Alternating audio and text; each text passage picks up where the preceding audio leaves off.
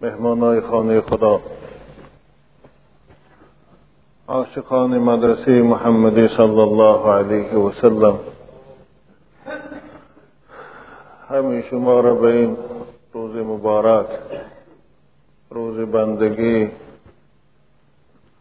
و روز عبادت پروردگار تبریک و تهنیت می‌گویم. و از پروردگار عاجزان دعا می‌کنم که قدم هایی که از راه های دور و نزدیک برای آمدن این خانه خدا رنجه فرموده حسنات نویسد و در عوض هر قدمی زدگی گناه های شما را پروردگار عوف نماید. و درجات شما را در بهشت بلند بردارد و هر حاجات از پروردگار داشته باشید حاجات شما را برآورده گرداند. آمین.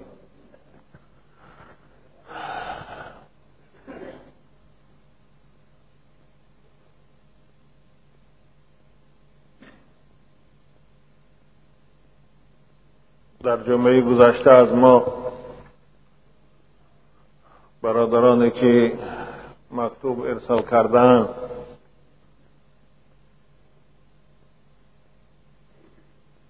یکی خواهش کرده است که درباره دروغ و ضررهای آن و در اسلام چه قباحت داشتن آن و در پیشگاه خدا چگونه گناه بزرگ بودنی دروغ یک صحبت کنید؟ این سوال اولی آن برادر بود و در ادامه سوال خواهش کرده است که درباره آیه اول سوری ویل لکل که این سوره با نام سوره همزه در قرآن هست. أعوذ بالله من الشیطان الرجیم ویل لكل همزة لمزة. یک با زبان ساده و فسیح معنای این دو کلمه را که همزه یکی لمزه. بیان کنید. از سبب ما موضوع صحبت امروزه خدا درباره دروغ که یکی از گناه های کبیره است. و امروز جامعه ما مع الاسف به این وبا گرفتار شده است. دروغ فریب خبرکشی. ما مسلمان ها را در ورطه هلاکت روپرو ساخته ایستاده است. بنابر در این باره صحبت می‌کنم.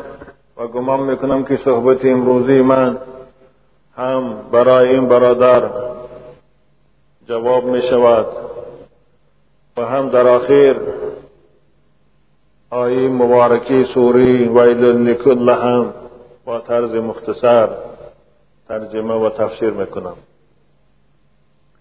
لیکن خواهش می‌کنم از جان در وقت صحبت خیلی سامع باشید خیلی با دقت گوش کنید. که یعنی این صحبت ما خیلی صحبت ضروری است و مهم است. از این صحبت یک بهره گیرید شاید به سبب کوشش و حرکت بسیار خداتان از این وبا از این کسل دروغگویی کمان باشد نگاه داشته توانید.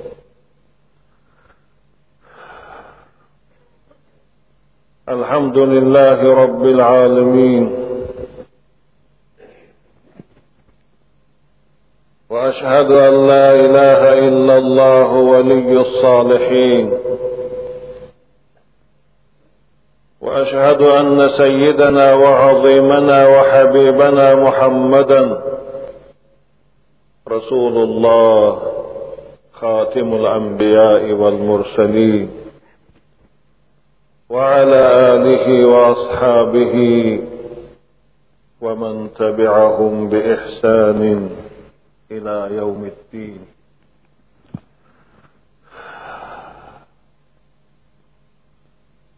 پروردگارا ما عاجزانه دعا میکنیم. ما را بر طاعتت موفق گردان. و از نافرمانیت دور بدار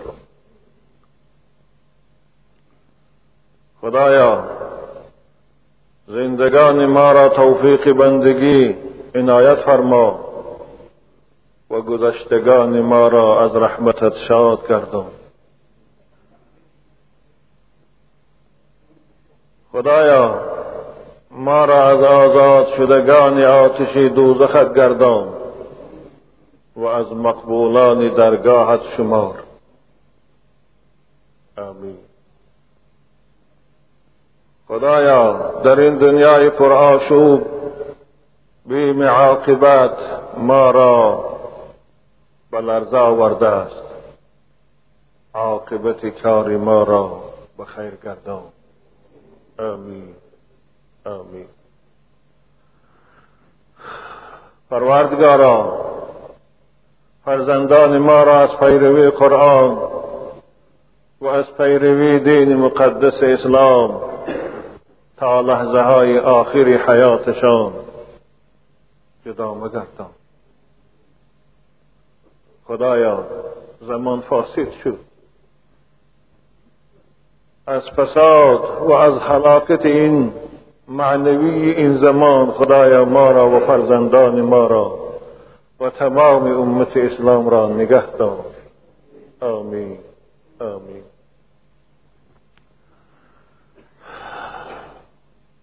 أعوذ بالله من الشيطان الرجيم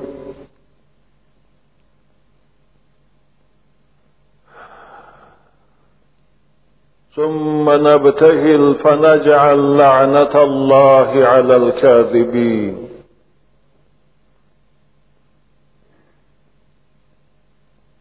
ألا إن لعنة الله على الكاذبين؟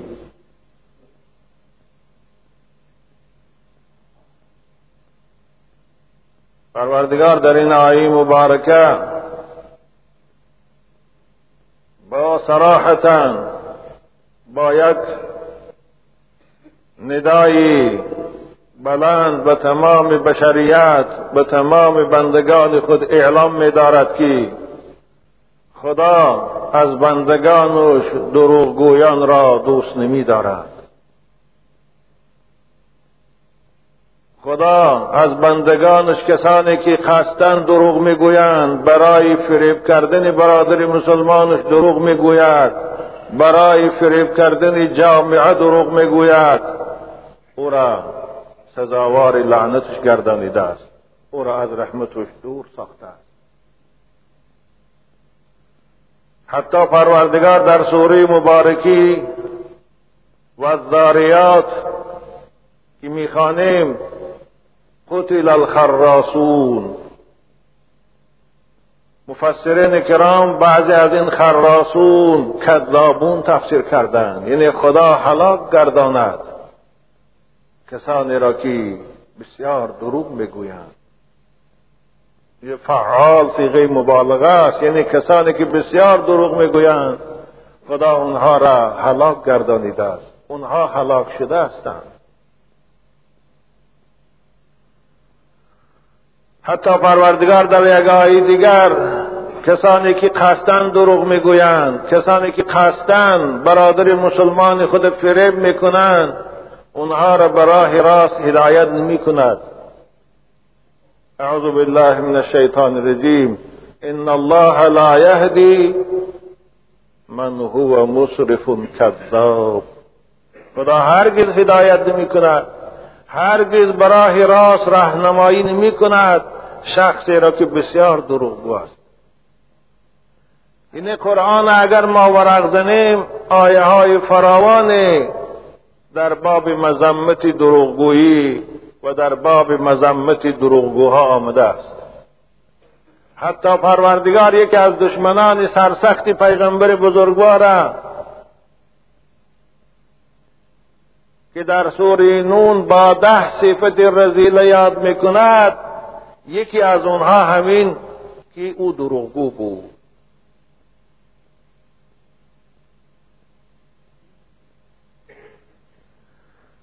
از این سبب عزیزان من این دروغ یک وبای است یک کسل است که صاحب خودش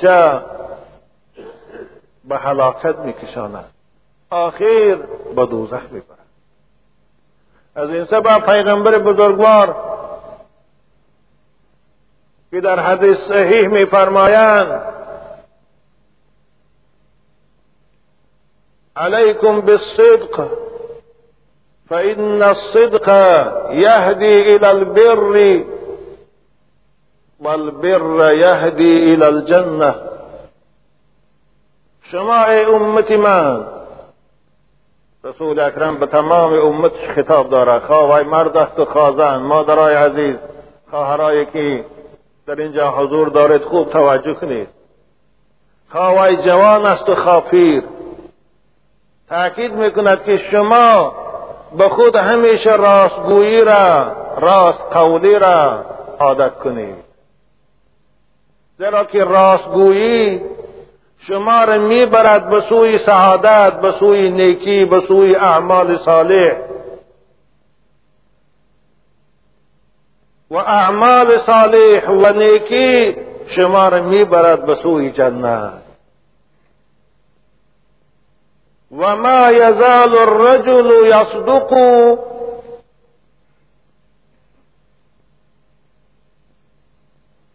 ويتحرى الصدق حتى يكتب عند الله صديقا. حدیث امام بخاری و مسلم عزیزان من. پیغمبر خدا گفتن یک بنده مومین خواهی مرد است و خوازن خواه جوان است و خواه پیر. همیشه راست میگوید. همیشه مقصدش راستگویی است این دروغ نمی‌گوید سر فریب نمی‌کنه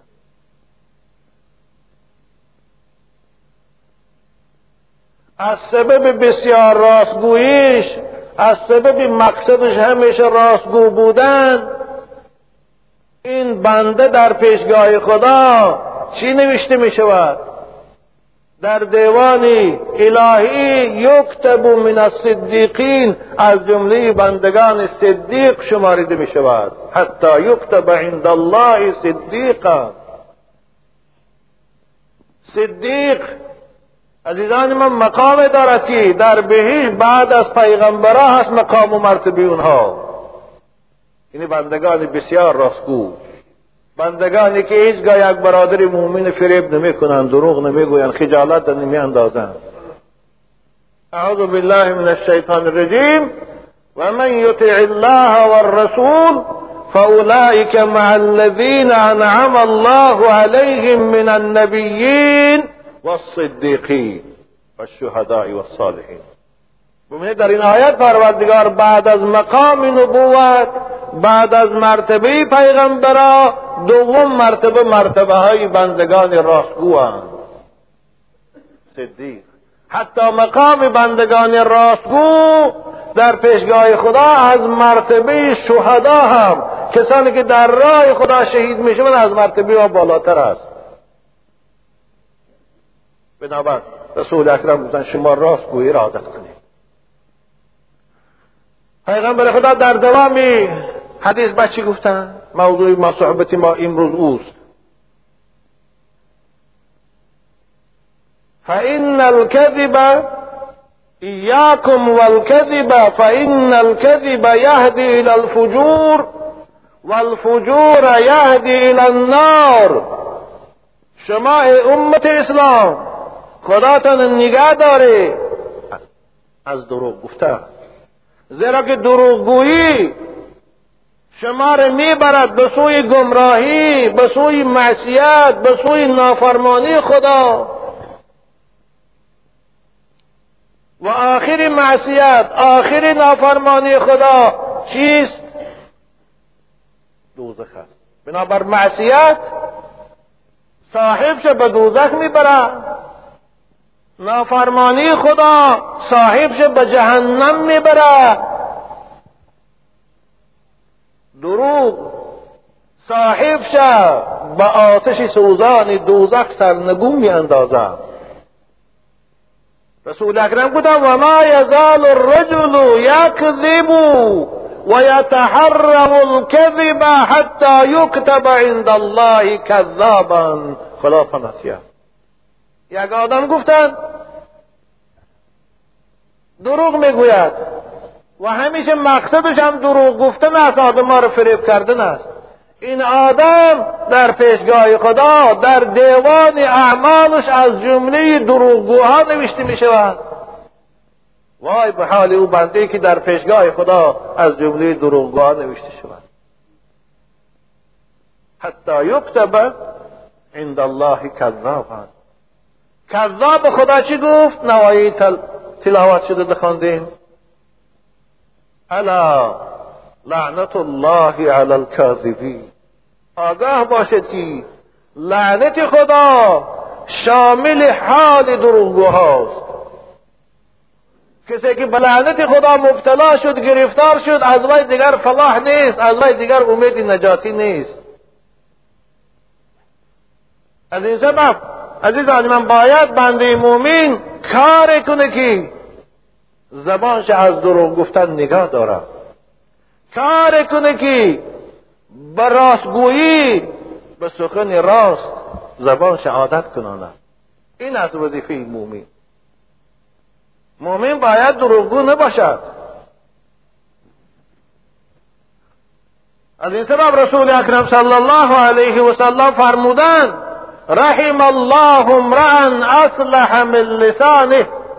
خدا رحمت کنه. این حدیث صحیح بخاری هستیدم خدا رحمت کنه. او بنده که زبانش اصلاح می‌کنه. یعنی زبانش از دروغگویی نگاه میداره. زبانش از آدم فروشی نگاه میداره. زبانش از خبرکشی نگاه میداره.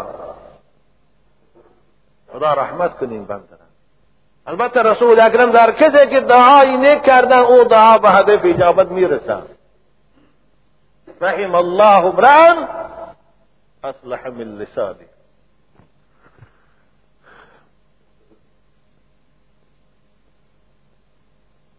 رسول اکرم صلی الله علیه و سلم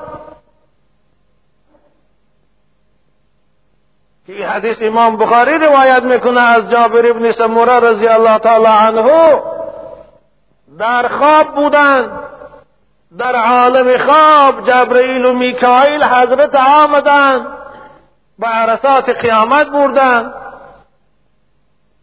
و در خواب حضرت احوال امتانشا در دوزخ بدیدند این حدیث خیلی طولانی است در صحیح بخاری.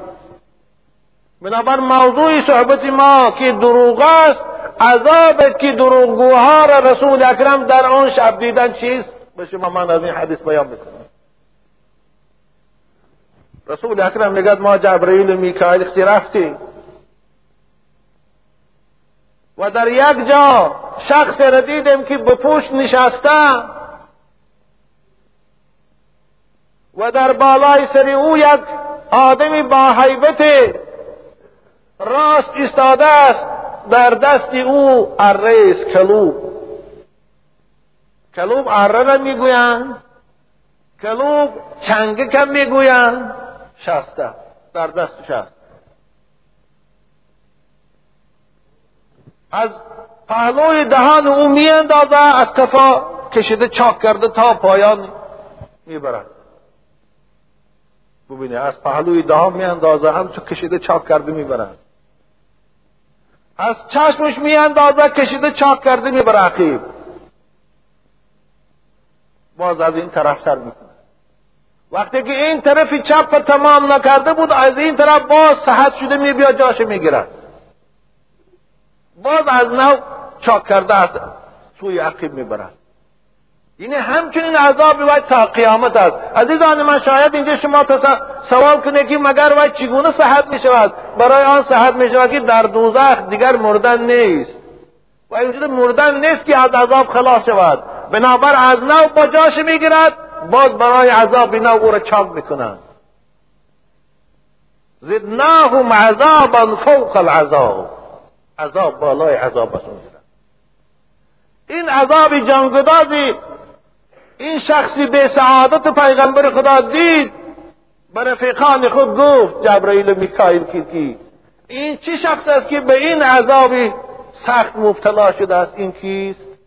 حضرت جبرائیل همین گفتند این همون شخص است که کان یغدو من بیته فیکذب بین الناس کذبتا.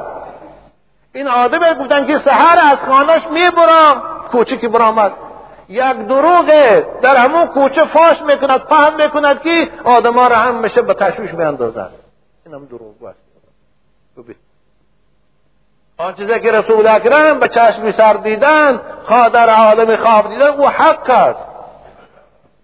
این است عذابی دروغگوها در دوزخ روز قیامت. از این سبب باید بنده مومن از دروغ گفتن خودشان نگه دارد. رسول اکرم صلی الله علیه وسلم در حدیث صحیح میفرمایند من کان یؤمن بالله والیوم الاخر فلیکن خیرا او لیسکت. کسی که ایمانی به خدا دارد ایمانی به روز قیامت دارد. سخنی خوب گویا گفتند سخنی نیک گویا ذکر خدا گویا تلاوت قرآن کنه. سخن گویا که برای خودش فایده دارد. برای بچه هاش فایده دارد. برای جامعه فایده دارد. برای محله فایده دارد. این سخن نیک. نصیحت امر معروف دعوت. به کار خیر دعوت کردن. به کار صلح و صلاح ترغیب کردن. این کار این سخنها رو باید از زبانش براید بنابراین خدا رحمت کنی آدم بگفتن یا اینکه به این هنر ندارد دعوت کردن به قدرت ندارد نصیحت کردن به هنر ندارد باید خاموش ایستد تا اینکه از گناه کردن سلامت موند ببینید رسول اکرم به ما و شما چی تعلیم داد؟ از این سبب یک عزیز می‌گوید دوز آدم های دوز آدم های دروغگو مانند دزدند الکذاب او کاللیسی فان اللیس یسرق من مالک والکذاب یسرق من عقلک. دروغگوها مانند آدم های دزدند مانند که شخصی دوز مالهات میدوزد به خبر میمونی دروغگو آدم عقلی تو رو میدوزد خودت نفهمیده میمونی. ببینی یک آدم دروغگو چقدر دروغ گوید؟ آدم ها به ذوق همونو تماشا کرده میستن همونو گوش کرده میستن ها عقلی اونا رو میدوزد او. به همین دروغی خودش.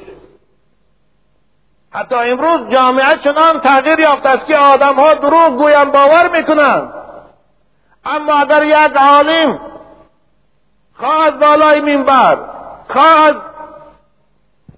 در معرکه ها از قرآن و حدیث سخن گوید به گوش آدمان نمیدراد این آدم ها او را مانند که دروغ بازا گوش می‌کنن سخن خدا را این تو بدا گوش نمی‌کنن. مانند که دروغ چگونه شنیدنش خوش میدارن سخن پیغمبر خدا را این تو شنیدنش خوش نمیدارن. ببینید حال جامعه ما حال مسلمانان ما امروز چی شده است؟ می‌دانن همین کینه هایی که در اکران های آینی نیلگون نشان میده همش دروغ است همش بافته است. می‌دانن که اما حضرتچی هایی که سوخی می‌کنن دروغ بگویند اما باید ذوق و شوق گوش میاندازند. اما اگر یک عالم کسیتش مونن اگر در خانهش شنیدن نمی‌خواد هم میکشاش. نمی‌خواد شنیدن.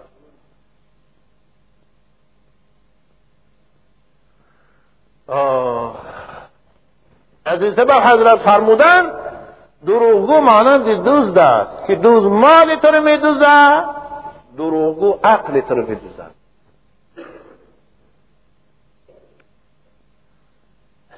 بنابر باید بنده مومن زبانش به چی عادت کنانه؟ زبانش به ذکر خدا بسیارتر عادت کنانه.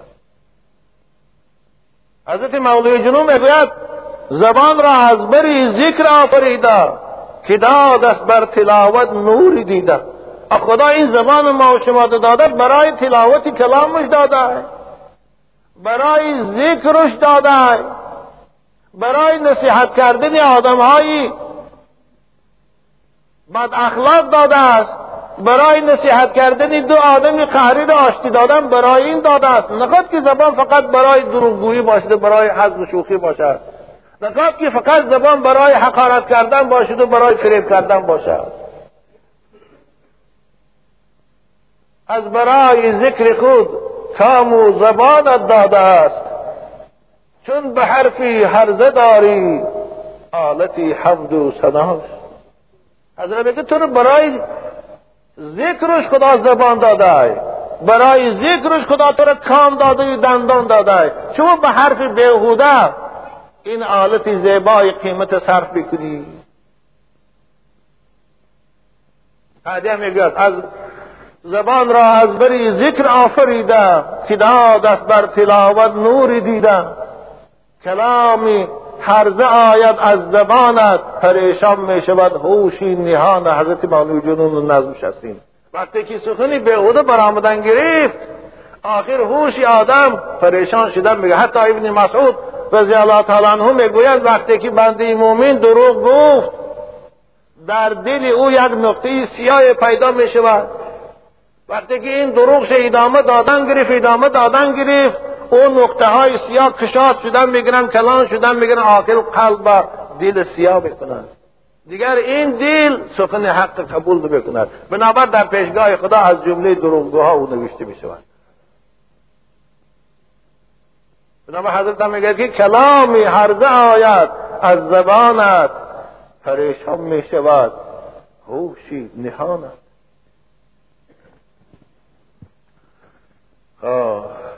مؤمن باید دروغگو نباشد شخص پیش پیغمبر خدا آمد. گفت یا رسول الله ایکون المؤمن جبانا؟ خوب توجه کنید ایکون المؤمن جبانا یا رسول الله مؤمن ترسانچک میشه بزدل میشه. پیغمبر خدا آره نعم میشه گفتن.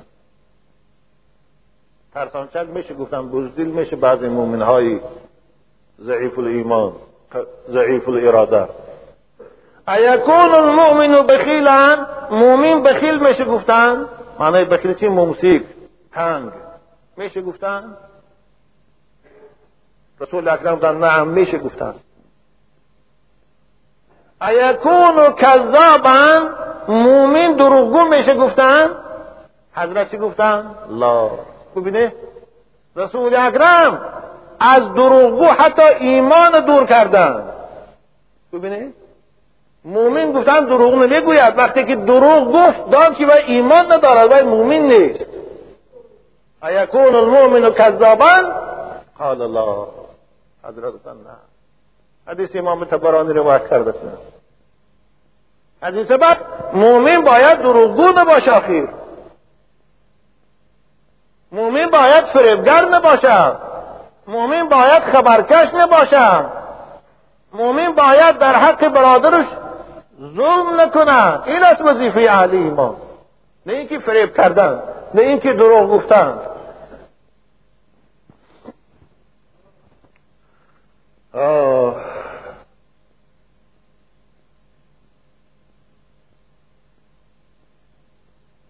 شاید بعضی ها سوال کنن که بعضی حالت های می شود آدم ناچار می شود ضرور می شود به دروغ گفتن. آیا در وقت ممکن است دروغ گفتن؟ اسلام در هیچ جا صراحتا دروغ گفتن رخصت نمیتید اگرچه فقها خدا رحمت کنه در چند جا دروغ را اجازت دادیان لیکن همه دروغ هم باید به طوری پوشیده باشد نه صراحتا آشکارا. مثلا برای آشتی دادن دو قهری شخص دروغ گوید تا که هر دمون برادر مؤمن به دیگر آشتی تید از پیش خود سخنهایی که او در حق وی گفتگی نیست می‌گوید و هر دیمون آشتی میتید به سبب همین دروغ های خودش. این شریعت رخصت داده است. یا که در حالت جنگ یا چند جاهایی است که حالت ضرورت است شریعت دروغ رخصت داد لیکن همون هم دروغ باید به طرز باید گفت که دروغش آشکار نشود. دروغش معلوم نباشه از این سبب وقتی که حضرت ابوبکر صدیق رضی الله تعالی عنه پیغمبر خدا کتی از غار ثور برآمدنو به سوی مدینه می رفتن. رسول اکرم بالای اشترد و سوار پیش پیش ابوبکر از قفا بود. از پیش بعضی قبیله های عرب آدماش برآمدن راه می رفتن اونها. اونها که حضرت ابوبکر آدم مشهور بود تاجر بود در او را بسیار رفته داشت. شناختن ابوبکر؟ گفتن یا ابوبکر. ای ابوبکر گفتن این رفیقت کیست؟ جناح پیغمبر نمیشناختن اونها. این رفیق تو کیست؟ گفتن. حضرت ابوبکر رضی الله عنه در جواب چی گفت؟ هادین یهدین یستبی حضرت عباس این راه این راه نشاندی است برای من. که راه نشان داد ایستاده ببینه. اونها راست خیال کردن. زیرا که سخن ابوبکر راست بود. اونها خیال کردن که ابوبکر این راه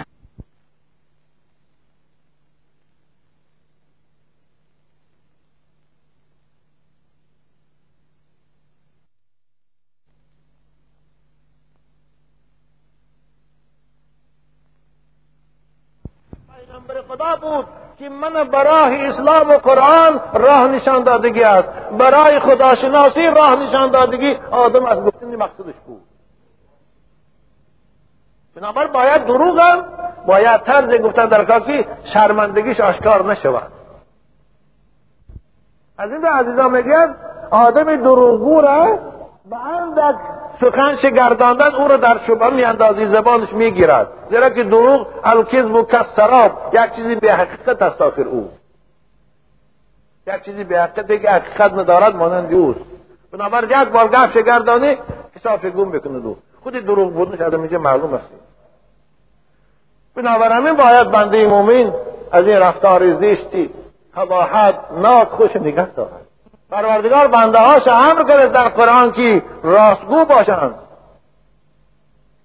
اعوذ بالله من الشیطان الرجیم. یا ایها الذین آمنوا اتقوا الله وكونوا مع الصادقین. ای کسانی که شما ایمانی به خدا داره، پرهیزگار باشه، خدا ترس باشه و همراه بندگان راستگو باشه. دروغگویی رو یاد نگیری، فریبگیری رو یاد نگیری.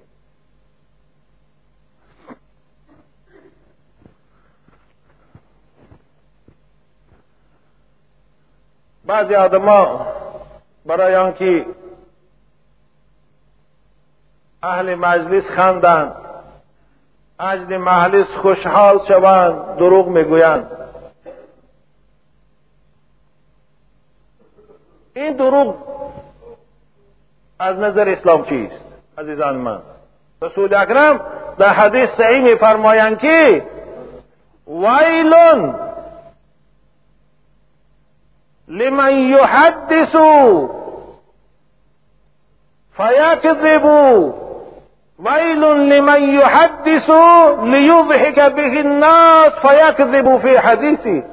وای برای شخصی که سخن می‌گوید. برای آن سخن می‌گوید که آدما را خنداند به این سخنهای خودش. آدما را بخشانه خوش کند. برای خاطر آدما را خندادن در سخنش دروغ کش می‌کند. وای به حال این آدم گفتن وای به حال شخصی که برای خورسندی دیگران دروغ می‌گوید خوش مستحق عذاب الهی می‌کند.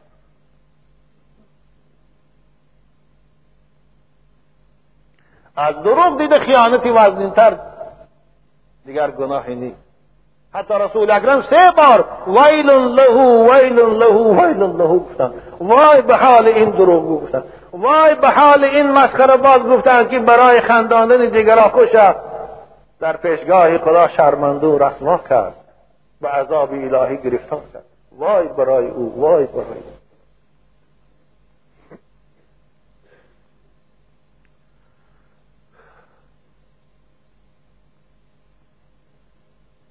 وقتی که بنده مومن به دروغ گفتن عادت کرد دیگر خیلی مشکل می شود که او از این راه باز ایستد باور کنید جوانای عزیز بچه های زیبای خوشرو که در این مجلس حضور داره. از حاضر شما خداتان از دروغ گفتن نگاه داره. از حاضر زباناتان به دروغ عادت نکنانی از حاضر راستگویی را سرمشق خود قرار دهی. راستگویی را زباناتان عادت کنانی حتی حضرت یحیی بن خالد رحمه الله میگویند لقد رأینا. همین سخنی که خیلی برای من تأثیر کرد. حضرت میگن لقد رأینا. شارب الخمر نزع ولسا اقلع وصاحب الفواحش رجع. ولكن لم نر كذابا صار صادقا. ببینید چی گفت حضرت؟ ما بسیار دیدیم گفتن که آدم های آخر از عرق نوشی توبه کردن بس کردن عرق نوشی را. بسیار دزدها را دیدیم که از دزدی کردن توبه کردن و بس کردن. شاید شما هم دیدی استاده اینا را. بسیار آدم های زناگاری آدم خوکش و بد اخلاق دیدیم. از این گناه باز استادن توبه کردن. اما حضرت من ندیدم که یک شخص دروغگو تا وقتی مرده داشت از دروغگویی بس کرده باشد. لم نر کذابا صار صادقا. این تا مردنش همین دروغگویی رفت. برای چی؟ برای که زبانی باید به او عادت کرده بود. عزیزان من جوانای عزیز بنابرای شما زباناتان به ذکر خدا عادت کنانه. زباناتان به تلاوت قرآن عادت کنانه. زباناتان به سخن خوب گفتن راست گفتن عادت کنانه. حضرت مولوی می‌گوید به هر حرف کند عادت زبانت. به هر حرف کند عادت زبانت. به روزی مرگ آید در دهانت. به هر حرفی که امروز زبان عادت کرد روزی مرگم هوای در زبانت می بیا دروغ گویی عادت کرده باشی وقتی مرده هم دروغ گفته میری به هر حرف کند عادت زبانت به روزی مرگ آید در دهانت. بکن وردی زبانت ذکر معبود به جانت در دمی تنگی کند سود. حضرت میگه ذکری الهی را ورد زبان کنی زبان تا به عادت کن. بکن وردی زبان از ذکر معبود به جانت در دمی تنگی کند سود بمیری گر به ذکر و فکر سبحان به روزی حشر و خیزی ذکر و گویان اگر در این دنیا همیشه به ذکر خدا به یاد خدا باشی روز قیامت هم که از قبر میخیزی الله گویان میخیزی. کسانی که در این دنیا زبانشان گویایی به کلمه لا اله الا الله های از قبر که میخیزد لا اله الا الله گویان میخیزد. اما برعکس او چی؟ کسی که زبانش به دروغ عادت کرده باشد کسی زبانش فقط به حقارت عادت کرده باشه و روز قیامت از خاکم که خیزه همون دروغگویان میخیزد. همون حقارت میخیزد؟ خصوصا من به شما جوانا تاکید می‌کنم که از حاضر شما زبانتان نگه دارید.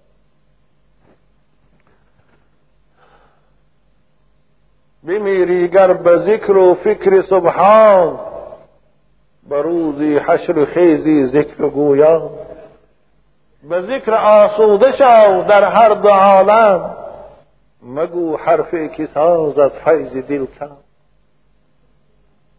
به ذکر آسوده شو در هر دو عالم. مگو حرفی که سازد فیض دل این سخنهای بهوده که سببی نور دل خاموش کردنش می شود این سخنها را نگویی عزیزان من. حد امکان بعد از شنیدن همه سخنهای من خداتان نگه داره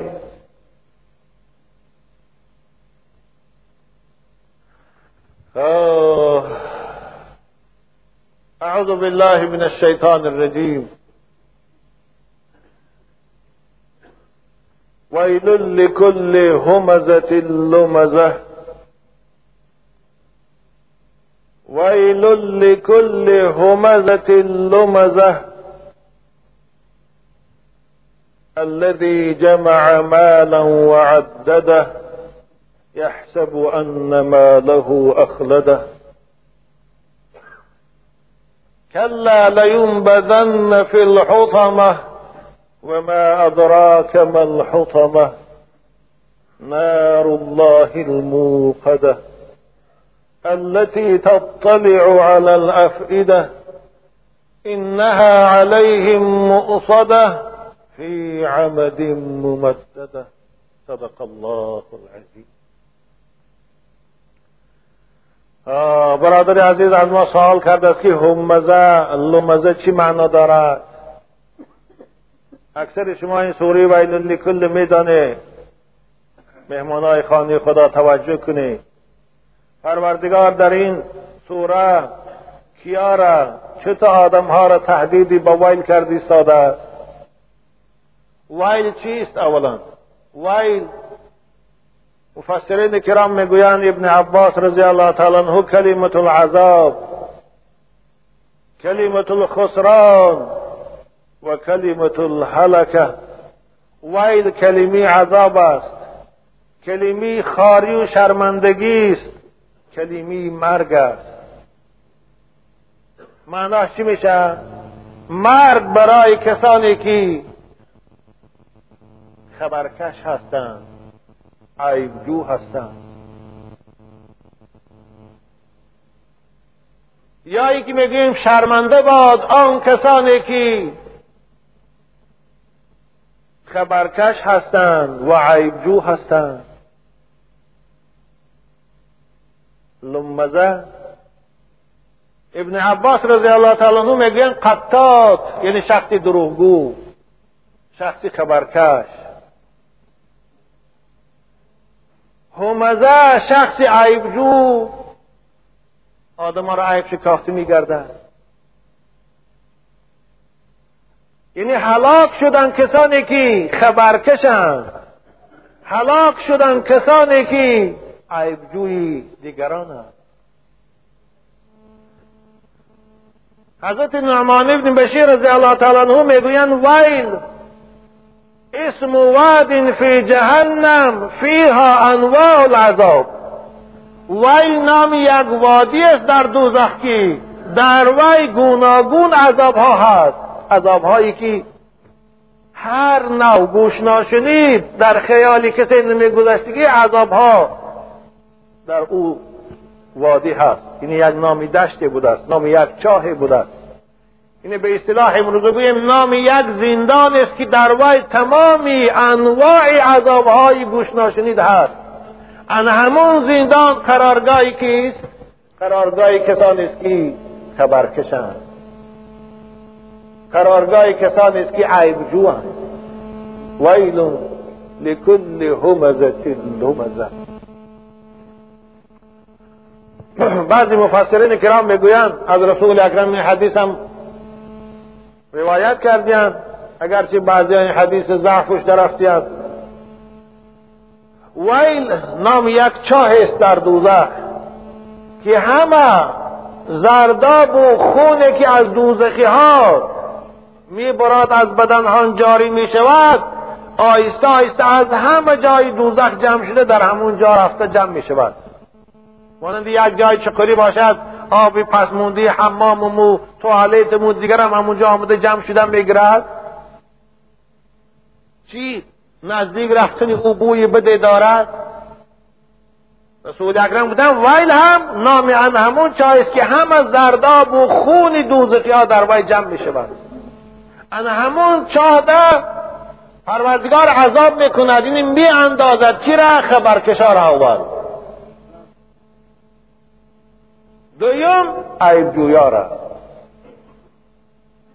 اگر از این معلوم شد لومزه چرا می‌گفتین عزیزان من؟ لومزه خطات می‌گفتین خبرکشن اینه کسی که خبرکشی می‌کند.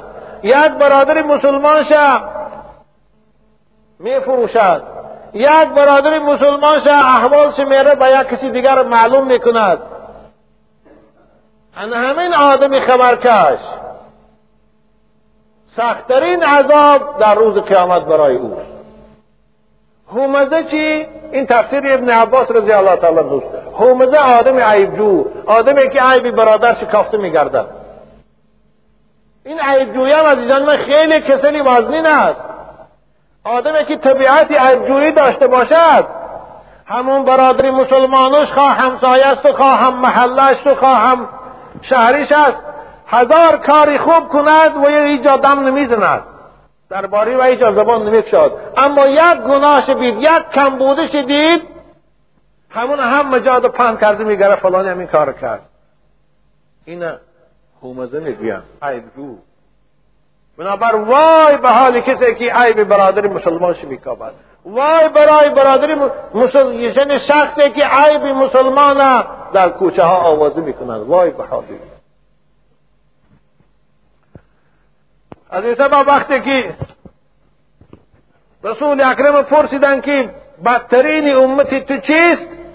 حضرت گفتن شرار امتی المشاؤون بالنمیمه.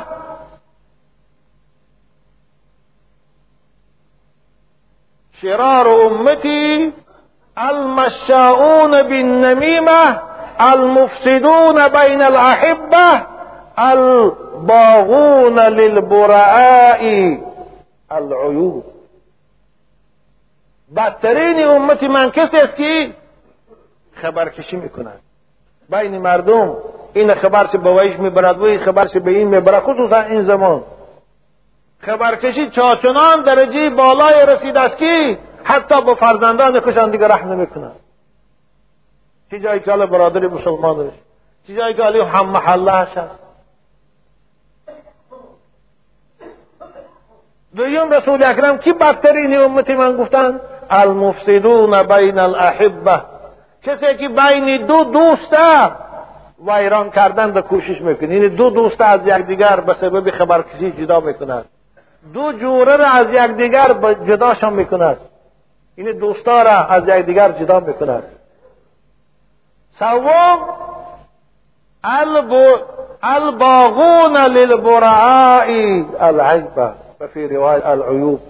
کسی که یک آدمی بیگناه را در حقش یک سخنی تهمت عیب بار می‌کنه این او میدانه که گناه داره اما تهمت ختی همون عیبدار می‌کنه خواه در ادارهای داخل دار است خواه در نزد حاکم خواه در نزد محله خواه در پیش مثلا زن و فرزند یک تهمت ختی همون عیبدار می‌کنه یک آدمی بیگناهی بیچاره را. ان هم تا آدم هم رسول اکرم بدترین امتی من حضرت ابن عباس رضی الله تعالی عنه در یک روایت وقتی که از تفسیر همزه و لمزه پرسیدن حضرت همین حدیث رسول اکرم خواستن. این روایت کردن که مراد از همزه و لمزه کی است المشاؤون بالنمیمه المفسدون بین الاحبه الباغون للبراء العیبه حضرت گفتن. البته مفسرها در این تفسیر بسیاری دارن. بعضی میگن هم لومزه گفته همون شخص رو میگن که با زبانش عیب جویی می‌کنه شخص در پیشش یعنی در پیشش نشسته عیب تو می‌گوید. ایزار میتید این همزه می‌گویند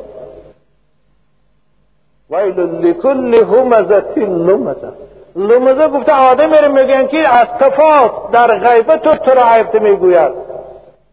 در حق سخنهای ناسزا میگه خود در اون مجلس حضور نداری و از تفاوت عیب تو رو در همین مجلس. این لمزه می‌گوید خیلی به هر حال عزیزان من خلاصی آیه مبارکه همین است که پروردگار تهدیدی به عذاب کرد تهدیدی به مرگ کرد تهدیدی به سختترین عذاب دوزخ کرد. کسی را که یکمش خبرکش است دویمش عیب برادر مسلمان می جوید از این دو صفتی رزیلان باید خودمان نگاه داریم.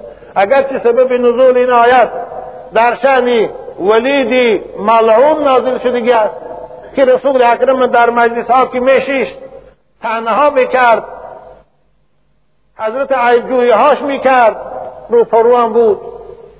از قفاش هم هر سخنهای بیادبان در شان رسول خدا میگو. اگرچه این آیت در شان او نازل شده است اما تا روز قیامت هر کسی که این خصلتی رزیده رو دارد با این وعید و محکوم است. بنابر خداتان از این نگاه داره عزیزان من. اکنون دوام آیت ببینید چی است.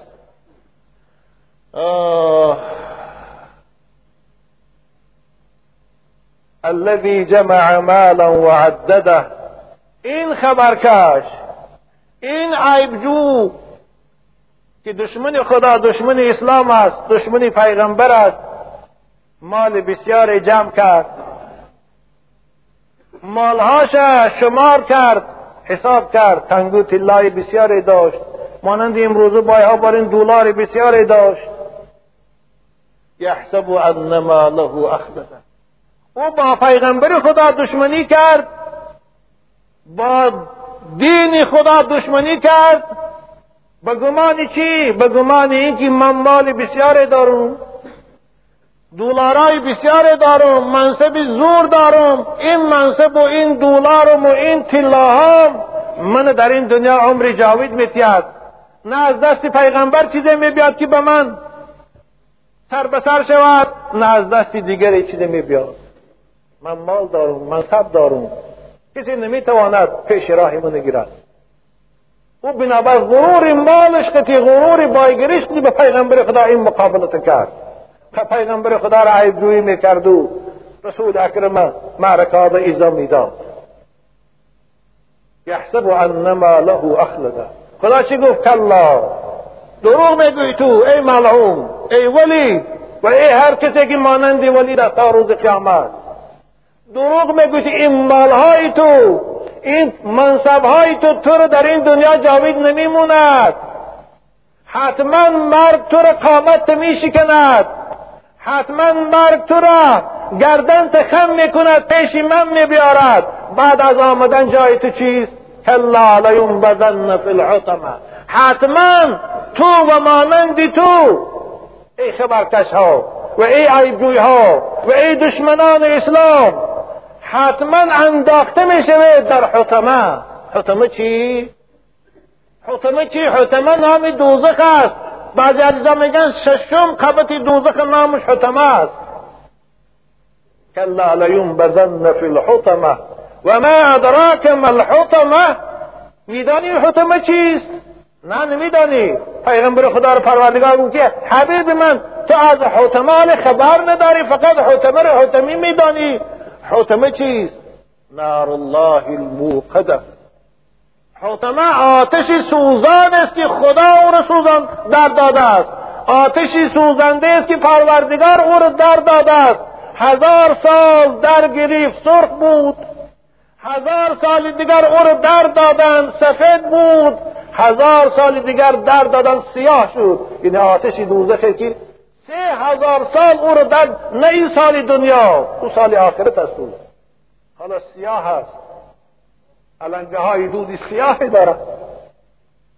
نار الله الموخ انا همون آتشی در داده شده جای این خبرکش ها و این عیبجوی ها و این دشمنان اسلام است.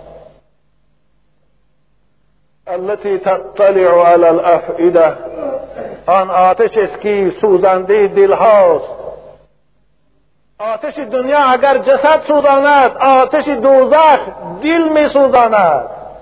آتش دنیا اگر بیرون سوزاند آتش جهنم درون می سوزاند. نار الله الموقدة التي تطلع على الأفئدة إنها عليهم مؤصدة في عمد ممددة. آه.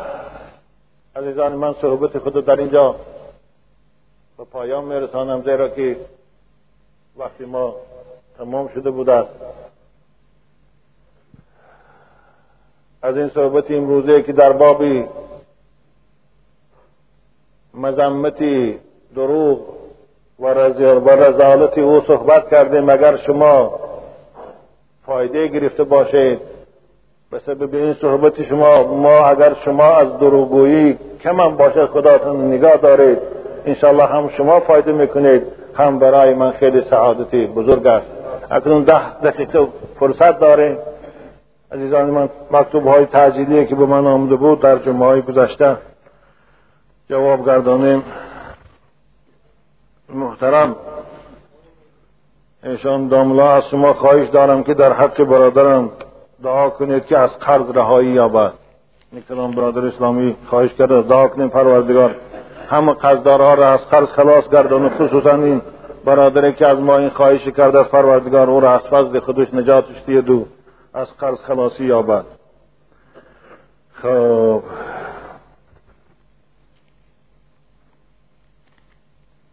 سوالای دیروز رو خانیم امروز رو انشاءالله با فردا جواب میتیم که این بیچاره خسته شدن. مکتوب نویسیرم. بسم الله الرحمن الرحیم شخص قرآن می‌خواند آوازش خیلی بیزیب است. او را بد بینی چی گناه دارد؟ این یک آدم قرآن می‌خواند و آواز خوب ندارد. همون بد دیدن گناه هست یا نه؟ البته گناه هست عزیزان من. یعنی او, را آواز خدا آواز مثلا بیزیب کرده است. وقتی که باید کلام خدا می‌خواند باید شما کلام خدا را گوش اندازه.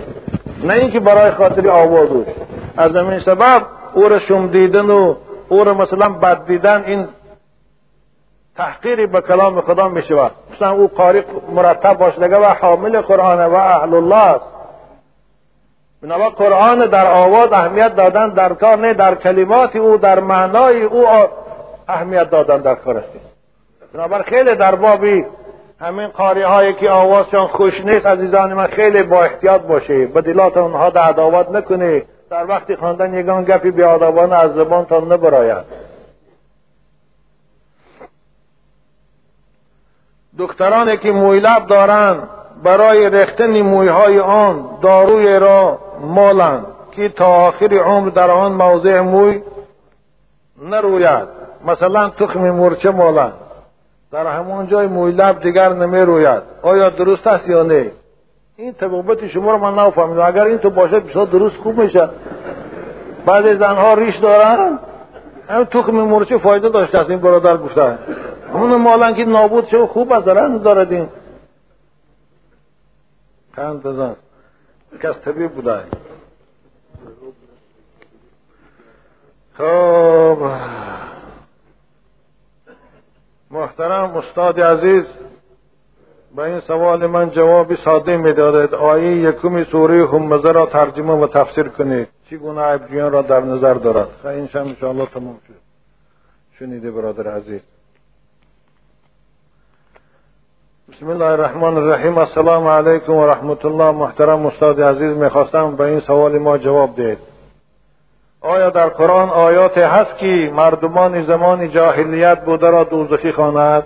و گفت شاعر فردوسی در کتب اهل حدیث و علمای کبار در این باره اشارت هست. این صحبت ما صحبت تفصیلی هم مفصل تر است. انشاءالله در جمعه دیگه با وسیعتر به شما این سوال جواب میگم این برادر سوالش همین است که آدم هایی که در زمان جاهلیت پیش از پیغمبر اسلام آمدن مردن مثلا رسول اکرم به دنیا نامده پیشتر مردن همونها هم عذاب دوزخ هست یا که اونها از عذاب خلاصی میابند در این باب اختلاف علما هست انشاءالله جمعه دیگه مفصلتر همین من با شما بیان می‌کنم دویم سوره معوضتین کدام است می‌گویند که پیغمبر خدا در وقت خواب سوره اخلاص اخلاص و سوره معوضتین را میخواندند و در دست مبارکشان می دم میانداختند و در بدن خود میمالیدند. یعنی این برادر گفته است که سوره معوضتین گفته کدام سوره میگن؟ در قرآن دو سوره است با نام معوضتین سوره قل اعوذ برب الفلق و سوره قل اعوذ برب الناس. یعنی این دو سوره معوضتین می‌گویند. خواندن اینها بسیار فایده دارد خصوصا جناب پیغمبر. شبها وقتی که جاگه می درآمدند سوره قل هو الله را سوره قل اعوذ برب الفلق و برب الناس میخواندند دست مبارک به کف می‌کردند ثانی در بدنشان میشکیدند. حتی اینکه در لحظه های بیماریشان که دستای مبارکشان دیگر حرکت نداشتند حضرت عایشه مادر ما میگن این سوره ها رو من میخواندم. دستشان به کف میگرم و بعد دستشان گرفت در بدنشان میشکیدم تبرکن بنابر خوانده اینها بسیار خوب است خواندتان شبها. این دو سوره است که خوانندش از سحر نگاه میدارد سبب نزول اینم همین بود که پیغمبر خدا را یکی از یهودی ها جادو کردن پروردگار برای حبیب خودش از این بیماری خلاص کردن همین دو سوره رو فرستاد. این سوره قل اعوذ برب الفلق و قل اعوذ برب الناس. اینا خواندنش خیلی خوب هستین خانیتون Oh.